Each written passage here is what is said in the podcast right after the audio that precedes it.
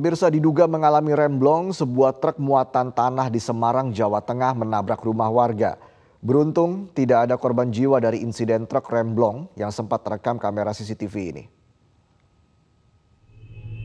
Inilah detik-detik rekaman CCTV sebuah truk muatan tanah yang diduga tidak kuat melaju di jalan tanjakan di Jalan Raya Rawosari Krasak, Kota Semarang, Jawa Tengah. Truk yang melaju mundur dengan kecepatan tinggi ini baru berhenti dan terguling usai menabrak dua rumah warga.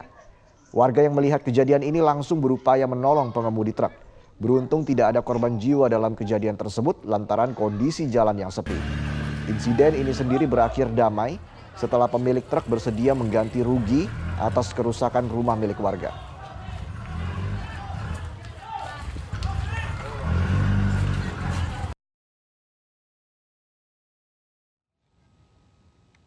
Jalur alternatif yang menghubungkan Banjarnegara ke Bumen di Desa Pagedongan, Kecamatan Pagedongan, Kabupaten Banjarnegara, ambles pada minggu lalu. Akibatnya jalur tersebut terputus dan tidak bisa dilalui kendaraan roda 4 untuk sementara. Gubernur Jawa Tengah Ganjar Pranowo meninjau langsung kondisi jalur yang ambles sedalam 2 meter tersebut. Ganjar mendapati amblesnya jalur itu lantaran intensitas hujan yang tinggi di Kabupaten Banjarnegara. Ganjar pun menyebutkan pihaknya beserta Pemkap Banjarnegara segera memperbaiki jalan tersebut dengan skema anggaran yang sedang dibuat. Dalam tinjauannya ke jalur alternatif Banjarnegara Kebumen via Pesangkalan itu, Ganjar didampingi PJ Bupati Banjarnegara Triharso, BPBD hingga Forkopimda Banjarnegara. Ada dua desa yang sedikit terisolir akibat amblesnya jalan tersebut. Meski demikian, Ganjar menjamin suplai untuk kedua desa tersebut tetap berjalan lancar. Orang nomor satu di Jawa Tengah itu juga mengimbau warga yang tinggal di sekitar jalur rawan itu untuk tetap waspada dan berhati-hati, terutama saat kondisi turun hujan. Kalau sesarnya dari sini turun ke arah ini, Pak, lurus. Sana tebing juga. Pelaku penganiayaan berat terhadap David Ozora, yakni Mario Dandi Satrio, mengaku menyesal atas perbuatannya dan meminta maaf kepada David Ozora. Mario Dandi Satrio juga siap menjalani persidangan dan telah mempersiapkan pembelaan yang akan disampaikan pada saat persidangan. Pelaku penganiayaan berat terhadap David Ozora, yakni Mario Dandi Satrio, mengaku menyesal telah melakukan penganiayaan berat terhadap David Ozora. Hal tersebut disampaikan pada saat diwawancarai langsung di rutan Polda Metro Jaya. Selain itu, Mario Dandi Satrio juga meminta maaf kepada korban beserta keluarga atas perbuatannya tersebut. Selain itu, dirinya juga mengaku siap menjalani persidangan dan telah mempersiapkan pembelaan pada saat jalannya persidangan nanti.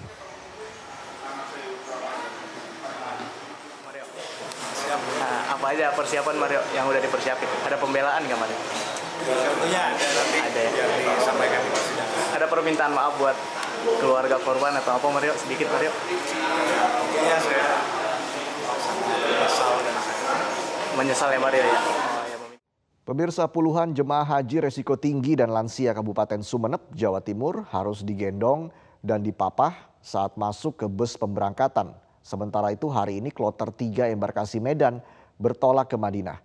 Kasih Haji Kemenak Sumeneb Abdul Wasid mengatakan ada 9 jemaah haji yang harus menggunakan kursi roda dan 55 jemaah haji masuk dalam resiko tinggi. Sejumlah jemaah haji harus digendong dan dipapah saat akan masuk ke bus pemberangkatan.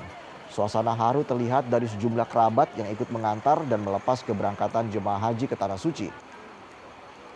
Sementara itu kloter 3 embarkasi Medan hari ini menuju Madinah. Kepala Kanwil Kemenak Sumut Ahmad Kosbi mengatakan ada 358 jemaah haji dan petugas yang tergabung dalam kloter 3.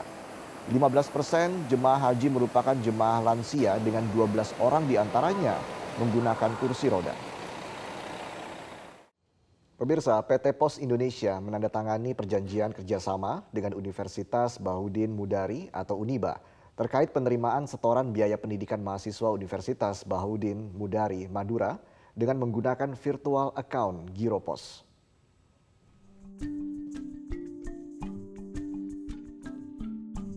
Melalui perjanjian antara PT Pos dengan kampus Uniba, pihak Uniba menunjuk PT Pos Indonesia selaku tempat penerimaan setoran biaya pendidikan di kantor pos dan Modern Channel milik Pos Indonesia.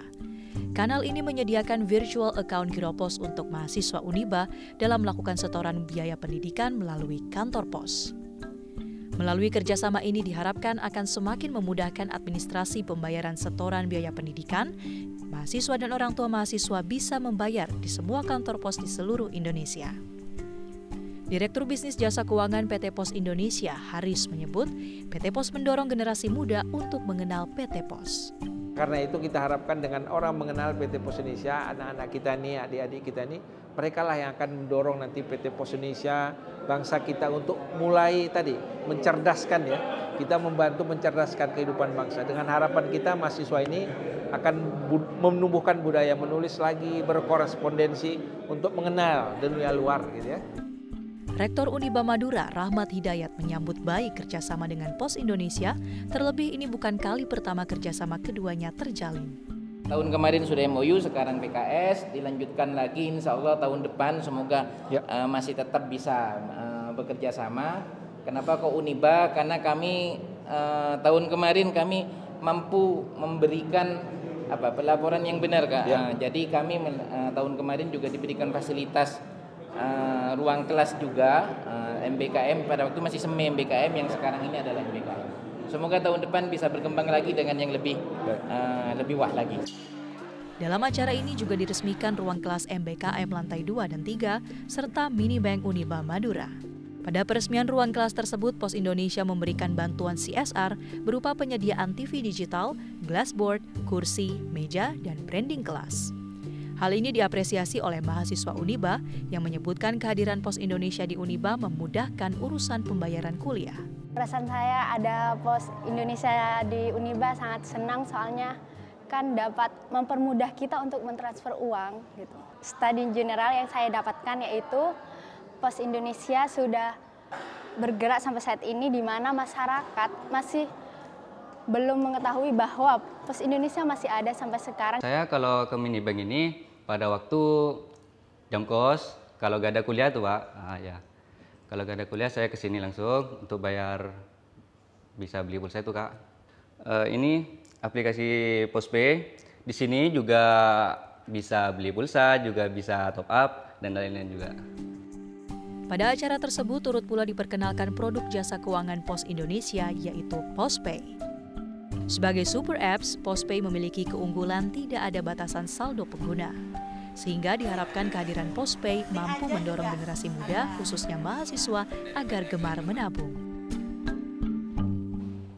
Wakil Menteri Luar Negeri Polandia Wojciech Gerwel menggelar kunjungan kehormatan ke Indonesia. Dalam kesempatan itu, Gerwel menyebutkan bahwa Indonesia dan Polandia akan terus menjalankan kerjasama antar negara.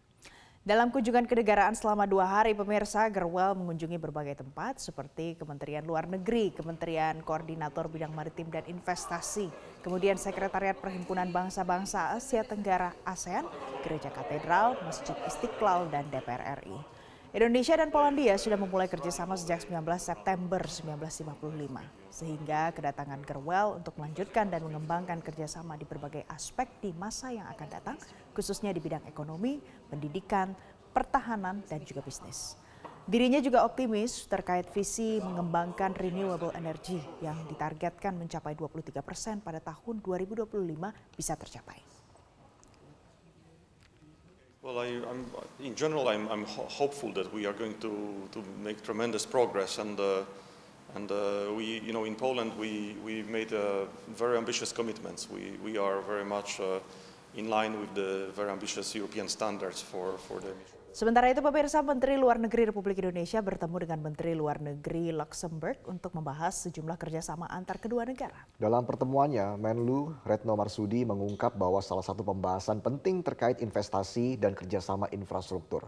Bertempat di Gedung Pancasila, kantor Kementerian Luar Negeri Republik Indonesia, Menlu melakukan pertemuan bilateral dengan Menlu Luxembourg John Asselborn. Di sela-sela kunjungan, Menlu Retno Marsudi dan Johan Asselborn menyempatkan untuk lari pagi di Stadion Gelora Bung Karno, Jakarta. Dalam pertemuannya, sejumlah fokus kerjasama mulai dari kerjasama ekonomi hingga kesehatan turut dibahas dalam pertemuan bilateral ini. Hubungan kerjasama ekonomi kedua negara tersebut berjalan dengan baik, terbukti dari peningkatan investasi Luxembourg meningkat hingga 732 persen. Melihat potensi tersebut, Menlu Retno mengajak Menlu Luxembourg untuk melakukan perluasan kerjasama di bidang infrastruktur. On the bilateral relation, first we discuss about the economic cooperation. I welcome the significant growth of Luxembourg investment to Indonesia, an increase of 732% in the first quarter of 2023 compared to previous year. Trade is also increasing of 15% over the past five years.